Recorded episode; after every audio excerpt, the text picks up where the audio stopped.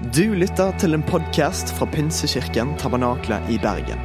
Vi tror at kirken skal være en plass hvor mennesker trives gjennom alle livets faser. En kirke for hele livet. Ønsker du å bli bedre kjent med oss eller holde deg oppdatert?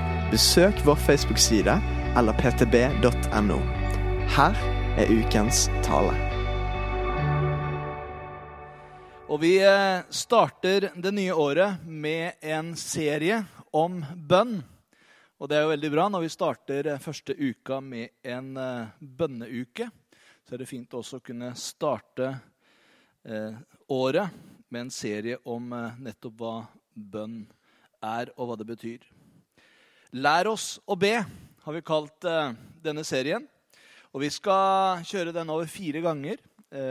Og vi deler opp Jesu bønn nettopp eh, på fire måter. Eh, det er jo mange flere bønner enn fire bønner i denne ene bønnen. Eh, og vi skal se litt på hvordan Gud ønsker at vi skal bruke nettopp den. I kirka her så har vi en visjon som vi følger. Og i den så står det også at vi ønsker å være etterfølgere av Jesus. Og Derfor så er det også bra å kunne lære av Jesus nettopp hva han tenkte, hvordan han gjorde i forhold til dette som har med bønn å gjøre. Eh, når vi ikke er vant til å be, så kan det med bønn føles litt sært. Det, eh, det er noe som noen holder på med. Eh, det er noe som eh, Ja, vi har en gruppe i menigheten, og de driver med bønn. Men bønn er egentlig samtale med Gud.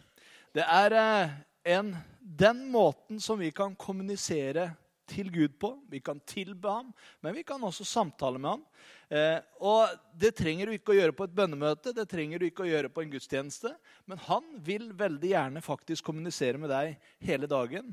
Hver dag, hver eneste time på døgnet så kan du ha en kommunikasjon med Gud. Disiplene de, sa, eh, de hadde lagt merke til at eh, Jesus hadde en annen måte å kommunisere med Gud på enn det fariseerne hadde. Fariseerne likte å stå i gatehjørnene og eh, holde oppramsingsbønner. Eh, og de sto gjerne et sted der hvor de var sikre på at folk ville se dem. At uh, der ville de bli lagt merke til, og så ville folk gå forbi og tenke Oi, de var hellige. De var skikkelig sånn ordentlig kristeliøse. Fordi de står jo der og ramser opp bønner. og Jeg vet ikke om du har sett noen av disse jødiske. De hadde liksom disse her rullene, og de står liksom på den måten der og ramser. Og alle så liksom Oi, der er noen av de som ber. Og så kommer Jesus, og så gjør han det på en litt annen måte. Det er litt typisk Jesus. Eh, han tar seg en tur, tar seg en uh, tur på Gullbotn. Uh, og så er han borte en Viken, og så, så, ber han til far. Og så kommer han tilbake dit, så er han helt gira. Og så ser disiplene dette, og så tenker de Wow, hvordan, hvordan gjør du når du ber? Kan ikke du lære oss å be? Og så er det at Jesus underviser dem i nettopp denne bønnen som eh, vi til nå har kalt Fader vår, men i den nye oversettelsen så er det Vår Far i himmelen. Og Vi skal lese den sammen. Og eh, det verset som jeg delte med deg litt om at Jesus, disiplene ønska å vite hvordan Jesus ba, det står i Lukas 11. Hvis du noterer ned, så får du, I dag blir du bombardert av Guds ord. altså Jeg bare advarer. Eh, så, så det blir masse. For jeg har ikke lyst til at du skal sitte igjen bare at dette mener pastor Benjamin. Nei, dette mener Guds ord eh, når det gjelder å lære oss hvordan vi skal be. Og I eh, Lukas 11,1 så står det en gang han var av sted og ba. Eh, da han var ferdig, sa en av disiplene til ham, 'Herre, lær oss å be'. Og Så lærer Jesus dem denne bønnen, og den står referert både i Matteus 6 og i Lukas 11. I Lukas 11 så er det en kortere versjon av den hele bønnen som står referert til i Markus 6. Og Der står det fra vers 7.: Når dere ber, skal dere ikke ramse opp ord slik hedningene gjør. De tror at de blir bønnhørt ved å bruke mange ord. Vær ikke lik dem, for dere har en far som vet hva dere trenger, før dere ber han om det. Slik skal dere be. Vår Far i himmelen. La navnet ditt helliges. La riket ditt komme. La viljen din skje på jorden slik som i himmelen. Gi oss i dag vårt daglige brød, og tilgi oss vår skyld, slik også vi tilgir våre skyldnere. La oss ikke komme i fristelse, men frels oss fra det onde. For riket er ditt, og makten og æren i evighet. Amen. Og så sier han videre, når han har sagt amen, for dersom dere tilgir menneskene de misgjerningene de har gjort, skal også deres himmelske Far tilgi dere. Men dersom dere ikke tilgir menneskene, skal heller ikke deres Far tilgi de misgjerningene dere har gjort. Jeg skal ikke ta den biten i dag. Den skal jeg overlate til noen andre som skal snakke litt seinere i serien om akkurat dette. Tilgi oss vår skyld, eller forlate oss vår skyld, sånn som vi òg forlater våre skyldnere. Men vi skal se på fire andre ting i dag, eller tre ting. Så blir det kanskje den fjerde eh, blir litt neste gang. Vår Far i himmelen skal vi se på. La, ditt, la navnet ditt helliges, og la riket ditt komme.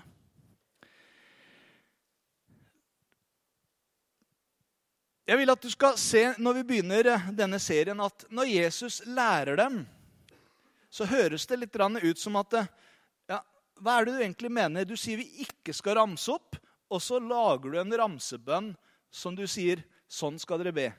Hva, hva er det du egentlig mener? Ja, Var det egentlig det han mente, at vi skulle ha en ramsebønn? Eller var det noe annet han mente? Og jeg tror at det var noe annet han mente. Jeg tror at Fader vår, eller vår far, er en mal på en bønn på hvordan vi kan be. For det første så ville Jesus undervise dem og si at når dere ber, skal dere vite hvem dere ber til. Dere ber ikke til hvem som helst. Dere ber til far.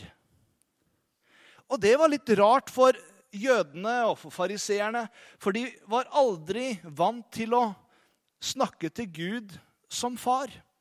De snakka om Javé, de, de hadde, og, Vi sier Javé, men altså på hebraisk så, altså det, det, er ikke noe bokstav, det er ikke noe ord, det er bare luft. Ja, det er sant.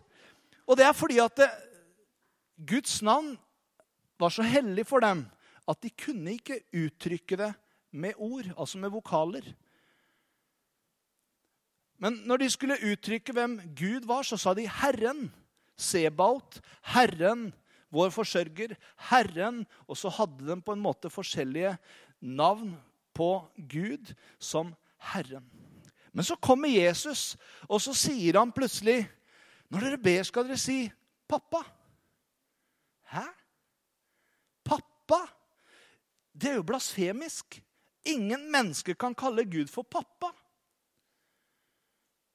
Og så tenker du Nei, det ville ikke jeg gjort heller. Og det forstår jeg hvis du aldri har opplevd et godt farsbilde. At du har vanskelig med å tenke at Gud Hvis Gud er som min pappa, da vil ikke ha noe med han å gjøre. Men derfor så har jeg lyst til å bare si deg med en gang. Når vi snakker om Gud som en far, så snakker Bibelen om han er den rette far for alt som kalles barn. Han er den gode far.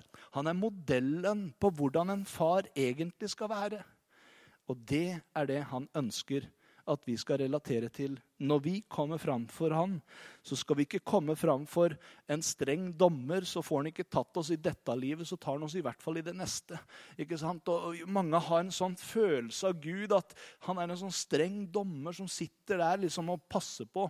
Og er det noe jeg kan få tatt deg på? Ja, nå gjorde du det igjen. Og så liksom det Mange har det forholdet til Gud. Men Gud, Jesus han ville at vi skulle ha et forhold til Gud som far, som pappa. Hvordan er vår far i himmelen? Han er god. Og når Jesus underviser i sine taler, og den, kanskje det lengste av dem, den står i Matteus 3, 4, 5 og 6, flere kapitler. Det var litt lang, lengre tale på den tida enn det var nå. Paulus han talte en kveld hvor uh, man satt inne i et hus, og så var det en gutt som satte seg i, i vinduet. Han sovna under halvveis i prekena. Da hadde han holdt på i sju timer, uh, og han datt ut og døde. Uh, og Da var Paulus der nede, og så vekka han noen opp igjen fra de døde. og De tok han opp igjen i, i salen, og så fortsatte han å preke. Det skal vi ikke gjøre i kveld. Men det var litt lengre taler, kan du si, og bergprekenen er en av de lange talene i Bibelen. Og i den talen så nevner Jesus Gud som far hele 14 ganger. I talen så refererer han til Gud som pappa. Og klimaks i talen til Jesus kommer midt i kapittel 7, når han begynner å snakke om Gud som en god far. Og så sier han der i vers 7 i kapittel 7 i Matteus.: Be, så skal dere få. Let, så skal dere finne. Og bank på, så skal det lukkes opp for dere. Skal dere være med å lese? For den som ber, han får. Og den som leter, han finner. Og den som banker på, skal det lukkes opp for. Eller hvem av dere vil gi sønnen sin en stein når han ber om brød? Eller gi ham en orm når han ber om en fisk? Når selv dere som er onde, vet å gi barna deres gode gaver Så leser vi høyt. Hvor mye mer skal ikke da deres far i himmelen gi gode gaver til den som ber ham? Gud er ikke interessert i å liksom holde deg på pinebenken. Ja, Hvis du har masa lenge nok, så kanskje jeg skal vurdere om jeg skal velsigne deg. Nei, han er der, og han bare lengter etter å gi deg gode gaver. Fordi han er en god pappa. Han er en god far. Og som en god far så vil han kanskje ikke alltid gi oss det vi ber han om. For Det er ikke sikkert at alt det vi ber han om, er til det beste for oss. Når min sønn, som nå er voksen, var tre år gammel og kom og spurte pappa, kan jeg få lov til å låne med meg den brødkniven ut, for jeg har lyst til å liksom spikke, så sa ikke jeg ja, vær så god, gutten min. For jeg visste at hvis jeg gjør det, så kan det skade han. Han er ikke stor nok enda til å håndtere den kniven. Når han ble større, så tok han kniven sjøl. Men da hadde han lært noe om hvordan man håndterte en kniv et banalt eksempel. Men av og til så ber vi Gud om ting som vi tenker er til det beste for oss. Og så vet Gud bedre at kanskje ikke det er til det beste for deg akkurat nå. Og så kan også vent være et svar. Og nei kan også være et svar som er til det beste for oss. Fordi han er en god far som vil oss det beste. Gud er en god pappa. Og I Jakob 1, 17 så står det at all god gave, all fullkommen gave, kommer ovenifra. Og fra Han som er himmellysenes far.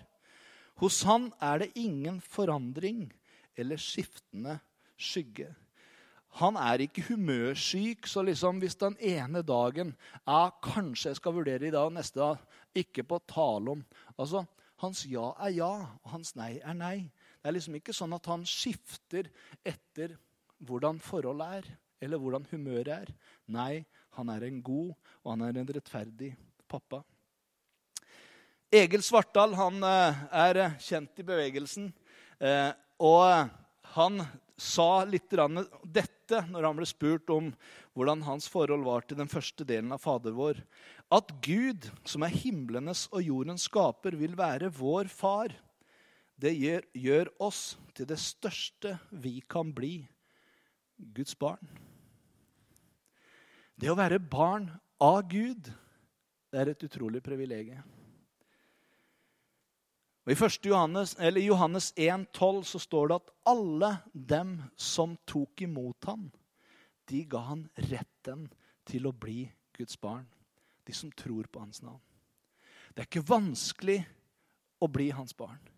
Alle de som tar imot Jesus Kristus, tar imot hans sønn og det frelsen som han ga oss på korset, får retten til å kalles Guds barn. Og vi blir en del av hans familie. Jesus kom for å vise oss hvordan pappa Gud var. Og Når du leser evangeliene, så får du et inntrykk av hvordan Jesus møtte mennesker. Hvordan han var i kontakt med mennesker. Hvordan han brydde seg om mennesker. Hvordan han hjalp mennesker. Hvordan han hadde omsorg for dem. Og han var et bilde av hvordan far er. Vi hopper over det neste verset, så går vi til eh, Lukas 15. I Lukas 15 så forteller Jesus tre lignelser. Altså historier som hadde en hensikt å fortelle noe viktig. Og En av disse historiene i Lukas 15 er om en sønn. En far som hadde to sønner. Vi kaller det av og til en bortkomne sønn, historien. Men jeg liker like godt å kalle det for den gode far. For det er det egentlig historien handler om. Vi kan av og til fokusere på han som kom. og Det virka så urettferdig at han yngste sønnen skulle komme og si 'Pappa, gi meg min del av arven. Nå vil jeg flytte hjemmefra. Jeg vil ikke være her lenger. Få den delen som er min.' Og så dro han til et land langt borte, står det. Og der rota han vekk hele arven i et vilt liv. Og da han hadde rota bort alt sammen og satt helt på bar bakke. Han hadde fått jobb som grisepasser i en grisebing utafor byen. Det var det verste en jøde kunne gjøre. Det var liksom 'Forbannet er hver den som holder svin', sto det i den jødiske loven. Og Der havna han og jobba i grisebingen. Og han ønska til og med altså Så lavt kom han, så han lengta bare etter å få lov til å spise sammen med grisene, det grisene fikk. Og da står det da kom han til seg sjøl. Og så er det en bønn som begynner å komme i hans indre. Jeg vil gå hjem til min far, og jeg vil si jeg har synda mot himmelen og mot deg. Jeg fortjener ikke lenger å være din sønn, men kan jeg få lov til å få en jobb? Kan jeg få lov til å, å si, bli eh, dyrepasser hos deg? Kan jeg få en tjenerjobb hos deg isteden? Han tenkte det er ti ganger bedre enn denne møkkajobben jeg har her. Og så ser du, når du leser Lukas 15, at mens han ennå er langt borte, så står det en far på tunet og venter på han. Og når han ser konturen av sønnen langt borte, så står han liksom ikke der og måler han opp og nøye. ja, nå kommer han. Nå har han liksom rota det til og sløst bort alt sammen. Han får bare komme, så skal han jammen få høre. Nei, det var ingen holdning på den måten som Jesus forteller i denne historien. Men det står at da han så sønnen langt borte, så løp han han i møte. Kasta seg om halsen på han og mm, mm, mm, kyssa han og klemma han og var så glad. For denne sønnen min var kommet bort. Han var død, men nå har han blitt levende igjen. sånn. Han hadde rota seg bort, men nå har han kommet hjem. Og så begynte denne sønnen på denne talen som han hadde forberedt. Jeg fortjener ikke lenger. Han fikk ikke sagt så mye for faren. Han sa, 'Hent klær. Få på nye klær. Få på nye sko.' 'Gi han en ring på fingeren igjen som et bevis på at han er en del av familien.' 'Han er min sønn.' 'Og slakt gjøkalven. La oss lage det grillparty, for nå har min sønn kommet hjem igjen.' Og så forteller han Jesus denne historien og så sier han, sånn er det med hver den som kommer hjem til far. Gud er en god Gud. Og Jeg syns det er flott å, å, begynne å sette det klart når vi skal lære å be. Så tenker du kanskje ja, men det er litt rart å be til Gud, som er så langt borte. Men tenk heller han er min pappa, som er glad i meg. Uansett hvordan jeg har rota det til, uansett hvordan livet mitt har vært, så har jeg fått lov til å komme hjem til far, som kjenner meg. Jeg trenger ikke å gjøre meg til for han.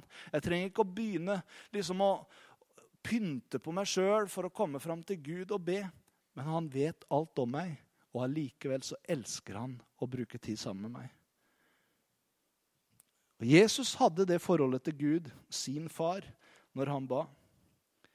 Gud har alltid vært far og vil alltid være det, står det i Efeserne 3. Og han er den perfekte far, står det i Matteus 5, 48.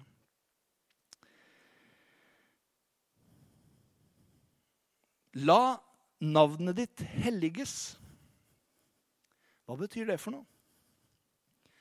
Det å holde Jesu navn hellig. La oss gå til Salmenes bok og finne hjelp til å sette ord på dette når vi ber. La navnet ditt helliges. Hva legger vi i det? David, det står jo at han var en mann etter Guds hjerte. Og Når du leser historien om David, så kan du tenke at da må jo han vært perfekt i alt det han gjorde. Jeg skal si det, Han rota det til for seg sjøl noe så innmari. Men allikevel så sier Gud, 'Jeg fant en mann, en mann etter mitt hjerte'. For selv om han hadde dumma seg ut, selv om han hadde rota det til, selv om han hadde vært utro med kona til sin beste venn, så hadde han et mykt hjerte som innrømma sine feil. Og så kom han til Gud og ba Gud om tilgivelse. Og så gjenoppretta Gud det forholdet til han som en god far for han. Og David skrev masse salmer, og kanskje dette var en av dem. Halleluja! Lovsyng deres herres, dere Herres tjenere. Pris Herrens navn. Herrens navn være lovet fra nå og til evig tid. Fra solens oppgang til dens nedgang skal Herrens navn være lovet. Herren er opphøyet over alle folk. Over himmelen, himmelen er hans herlighet.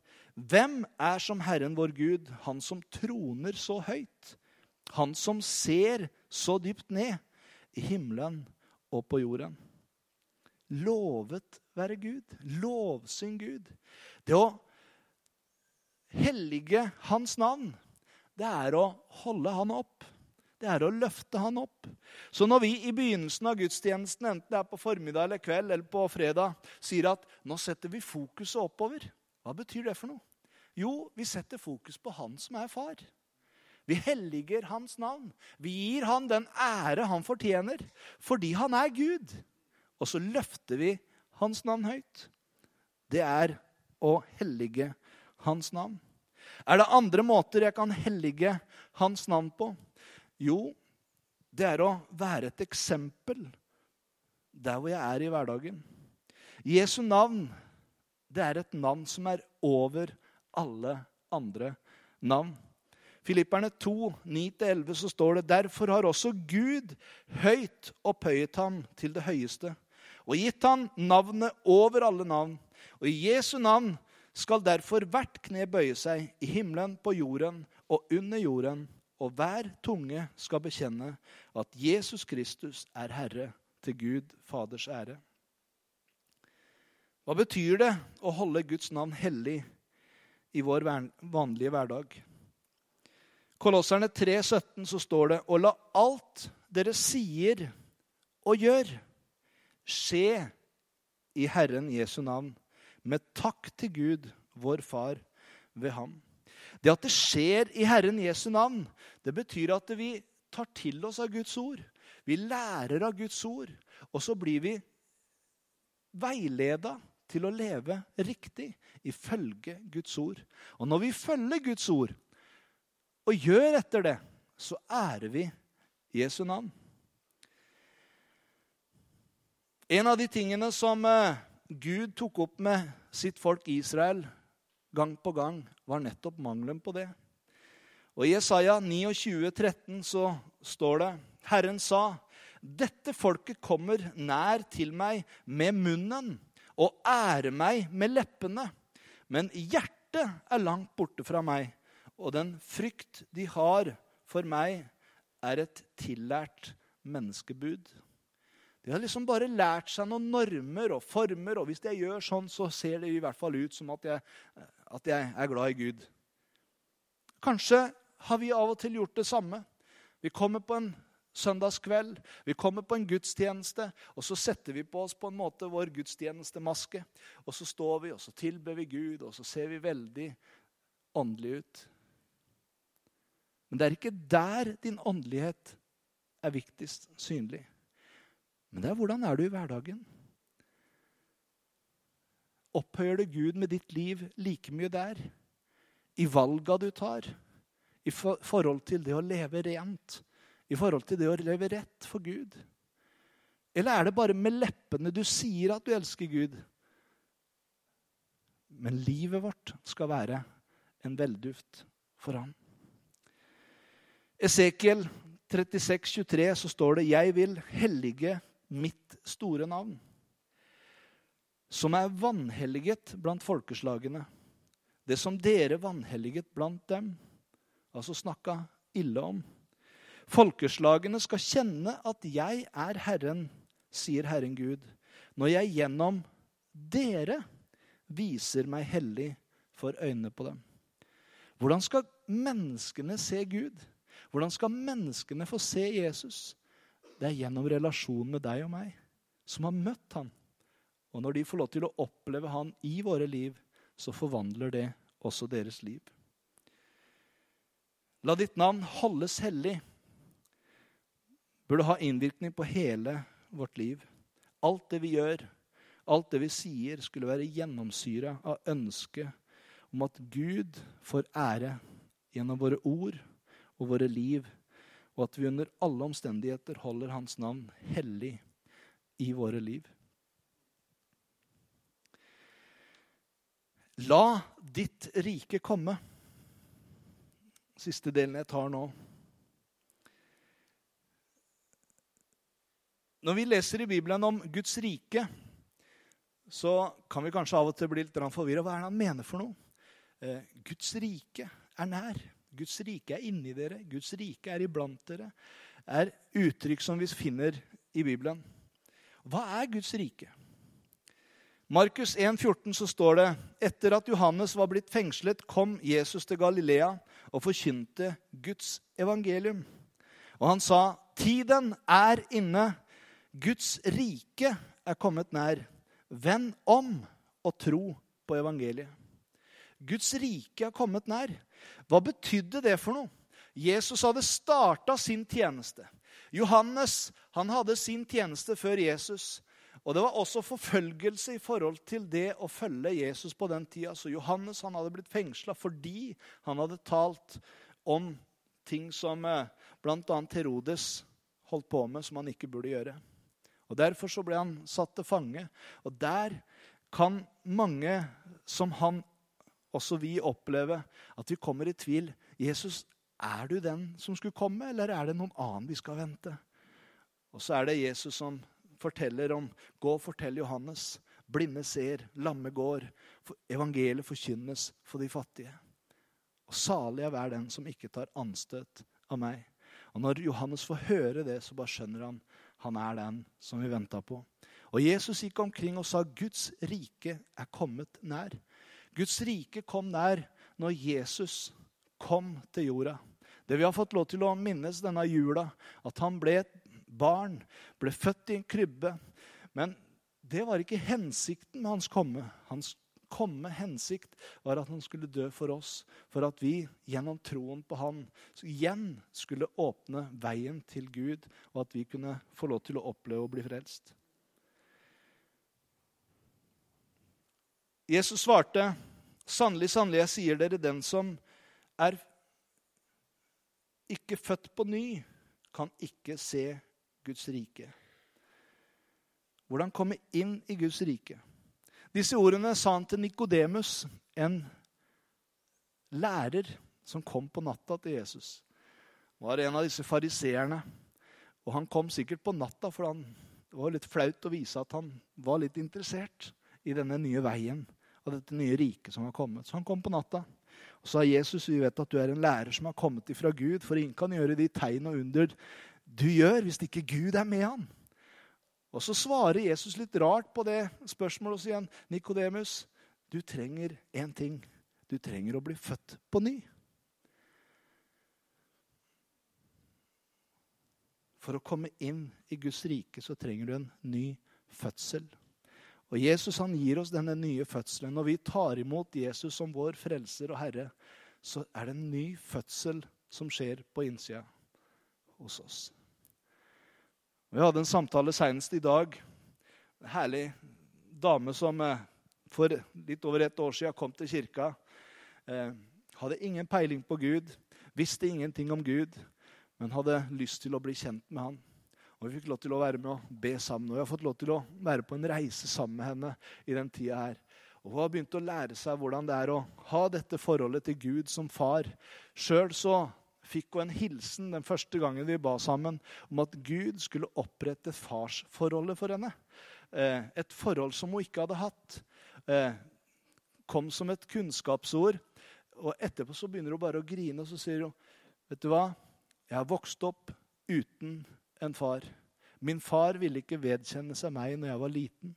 Jeg var født utenfor ekteskapet, og jeg har aldri hatt en pappa. Og så fikk vi lov til å bare gråte sammen og be sammen og fortelle henne vet du hva? Gud ønsker å være din pappa. Han ønsker å være din Gud, og han ønsker også å hjelpe deg til at dette forholdet kan bli annerledes. Ett år etterpå nå så ringer hun meg midt i jula her. Eh, jeg hadde fått et budskap fra Gud var rett før jul, om at ingenting er umulig for Gud. Vi skal vente, forvente det umulige, for ingenting er umulig for Gud. Og så hadde en ting hun hadde bedt om. To ting, egentlig. Det ene, viktigste, var at hun igjen skulle få lov til å få et forhold til barna sine, som hun hadde mista. Men det andre også var at forholdet til hennes pappa på en måte skulle bli bra. Som hun ikke hadde fått kontakt med, som hun ikke kjente. Og Her i jula så kommer hun, og så ringer hun meg en dag og så sier hun, 'Vet du hva, Benjamin?' Når, det er helt crazy, historien. Jeg må, men jeg må bare fortelle han allikevel. Vet, hun er jo helt ny i troa, og hun vet liksom ikke eh, Og jeg syns det er herlig med sånne folk som ikke vet så mye, men bare tror det allikevel. ikke sant? Bare, bare tar det sånn. Eh, og så, så, ringer hun meg og så sier hun, Benjamin, jeg må bare fortelle deg noe helt crazy. Jeg kom hjem etter den talen, og så Er det mulig, Gud? Kan du gjøre umulige ting mulig? Og så tenkte jeg på dette med far min. Og så tenkte jeg på at hvis du kan gjøre noe med det forholdet, så må du gi meg et tegn. Og Så var jeg ute og jogga, hun, og så kom jeg hjem igjen og så skulle jeg ha meg et bad i badekaret. Jeg tenkte nå blir det veldig, sånn, veldig detaljert her. Eh, men så ja, ok, kom igjen, da, fortell, da, sier jeg. Ja, Så skulle jeg fylle vann i badekaret. Og så eh, satte jeg på, eh, satte proppen i og fylte i badekaret med vann. Det sto og rant og rant mens jeg var og skifta. Og så skulle jeg inn på badet, så kom jeg inn igjen. Og så ser jeg at vannet det stiger ikke. Det renner i ett kjør hele tida, men vannet det stiger ikke i badekaret. Hun ble stående og titte, og så sa jeg, er det mulig? Det må være noe med proppen som ikke er ordentlig i. Og sjekke proppen, og proppen var ordentlig i. Og vannet stiger ikke allikevel. Og blir stående der og titte lenge, og vannet stiger ikke. Det rant oppi badekaret, men vannet steig ikke. Så sier hun dette er så sprøtt, så jeg må filme det. Så hun filma det.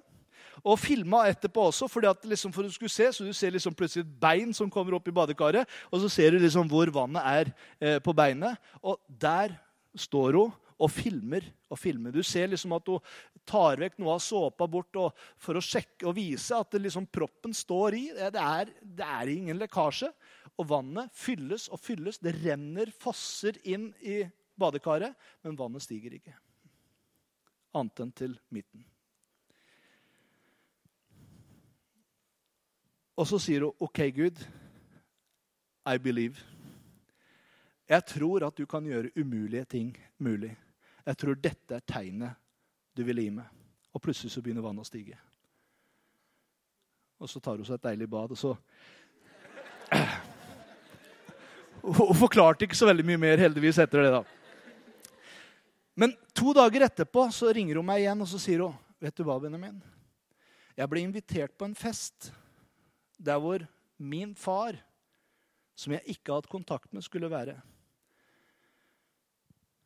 Og For å gjøre en lang historie kort så har hun fått lov til å møte far sin. Og far sin kommer i løpet av denne festen, og de får lov til å gjøre opp. Og Han kommer og sier, vet du hva? Jeg har noe jeg må be deg om tilgivelse for. At jeg aldri har akseptert deg som min datter. Og jeg vil gjøre det opp igjen. Jeg vil at vi skal bygge kontakten. Han hadde nettopp starta et nytt firma eh, som hadde med vann å gjøre.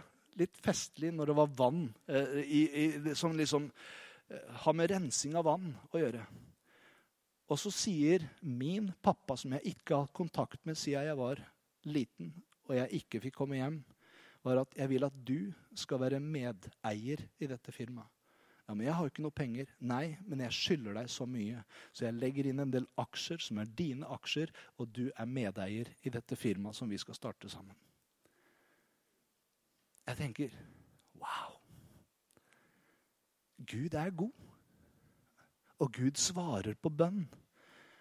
Og så gjør han av og til sånne crazy metoder som dette her. Og Du har kanskje dine historier om ting som du har bedt, og, og ting som du har liksom snakka med Gud om. Men Gud er en virkelighet. Gud er virkelig. Og han holdt på å si det går an å fortelle han. Det går an også, vet du hva det går an å si til pappa? Vet du hva? Nå skjønner jeg deg ikke. Det her skjønner jeg ingenting av. Hvorfor må jeg oppleve dette? Hvorfor må jeg gå gjennom det? Jeg er egentlig litt sint. Går det an å si det til Gud? Ja. Vet du, det går an. Men han er en god far som vil deg det beste. Jeg hadde lyst til å bare fortelle den historien, for jeg syns han var utrolig sterk. Vet du hva? Vi er kalt til å demonstrere Guds herlighet. Jeg skal avslutte med det nå.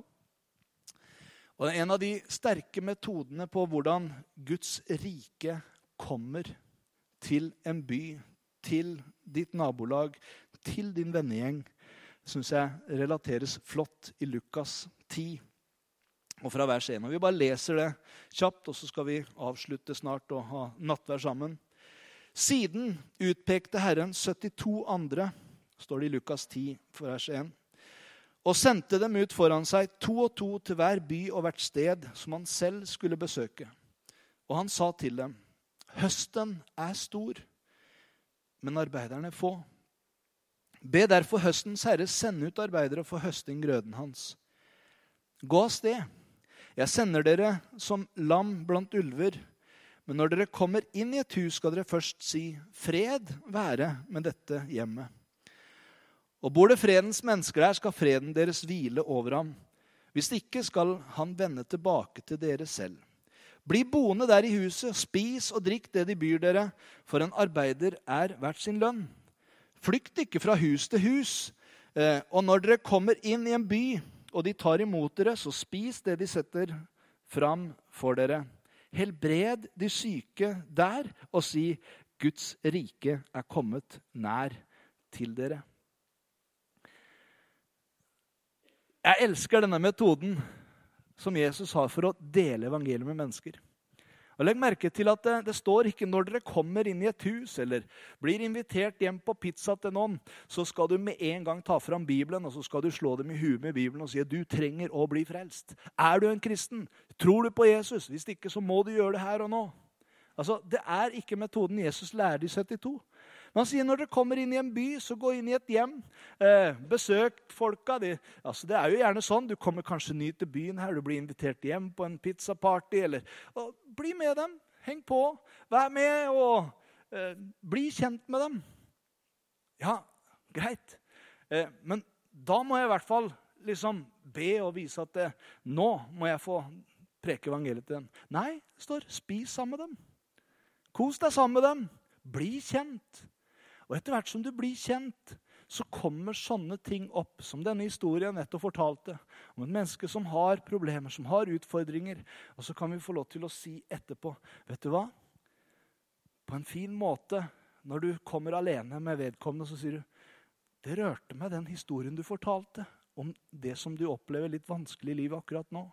Eller den sykdommen som du fortalte om far din hadde, eller mor de hadde. Eller som du sjøl går igjennom, vanskelighetene på skolen eller i ekteskapet.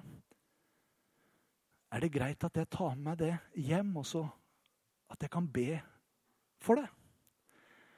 Vet du, Jeg er sikker på at i 90% av tilfellene så vil folk si ja, det er helt greit. Og så ber du for det. Og så kommer dagen hvor den plutselig ringer. Sånn som denne dama sier.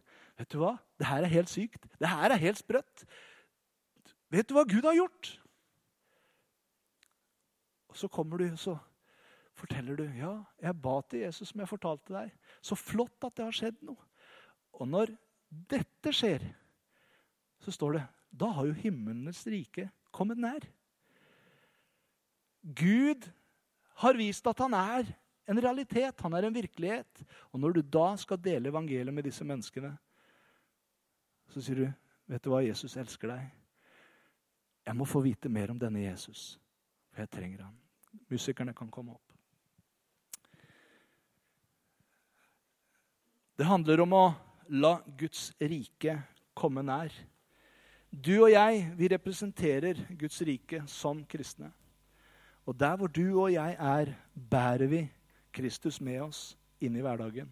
Og vi får lov til å dele evangeliet med mennesker. Og som eh, Martin Luther sa, om nødvendig med ord. For du vet, livet ditt taler mye mer enn det du vet om. Skal vi stå opp sammen?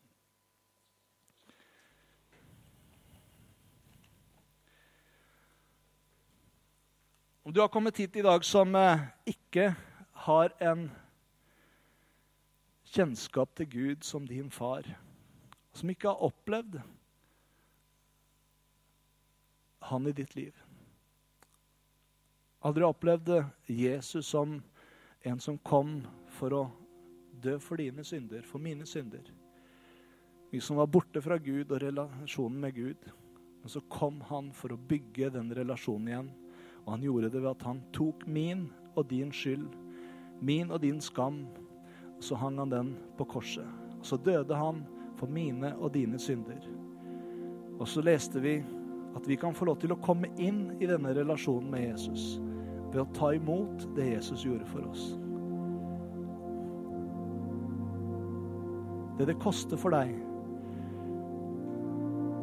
det er å komme til ham og si, 'Jesus, jeg trenger deg i mitt liv. Jeg vil at du skal til i min synd og gjøre meg til din. Og så vil han rense deg, og så vil han gjøre deg til sin.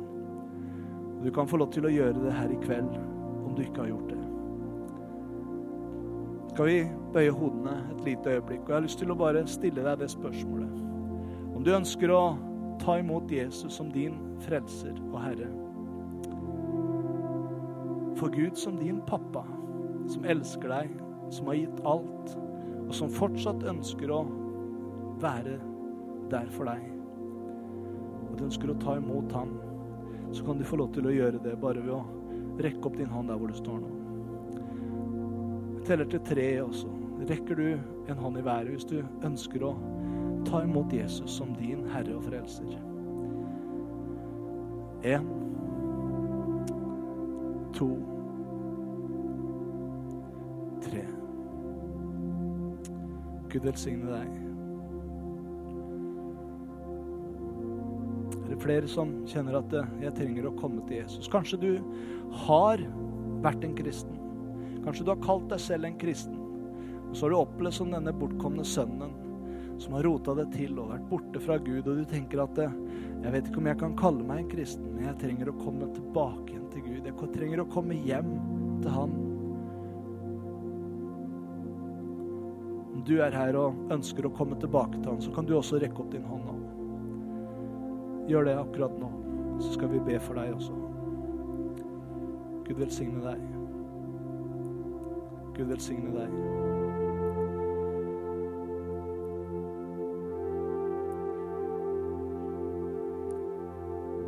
Vi bruker av og til å be en eh, bønn sammen, en frelsesbønn. Men jeg har lyst til at vi sammen skal be Herrens bønn. Og når vi ber den sammen nå, og du ber også i den bønna Forlat oss vår skyld, eller tilgi oss vår skyld. Så ber du også Gud, tilgi meg min synd. Så får du lov til å kjenne at han renser deg, og han gjør deg til sitt barn. Skal vi få det opp på skjermen, og så ber vi denne bønnen sammen mot slutten her. Vår Far i himmelen. La navnet ditt helliges. La riket ditt komme. La viljen din skje på jorden slik som i himmelen. Gi oss i dag vårt daglige brød, og tilgi oss vår skyld, slik også vi tilgir våre skyldnere.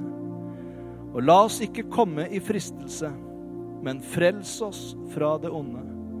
For riket er ditt, og makten og æren i evighet. Amen.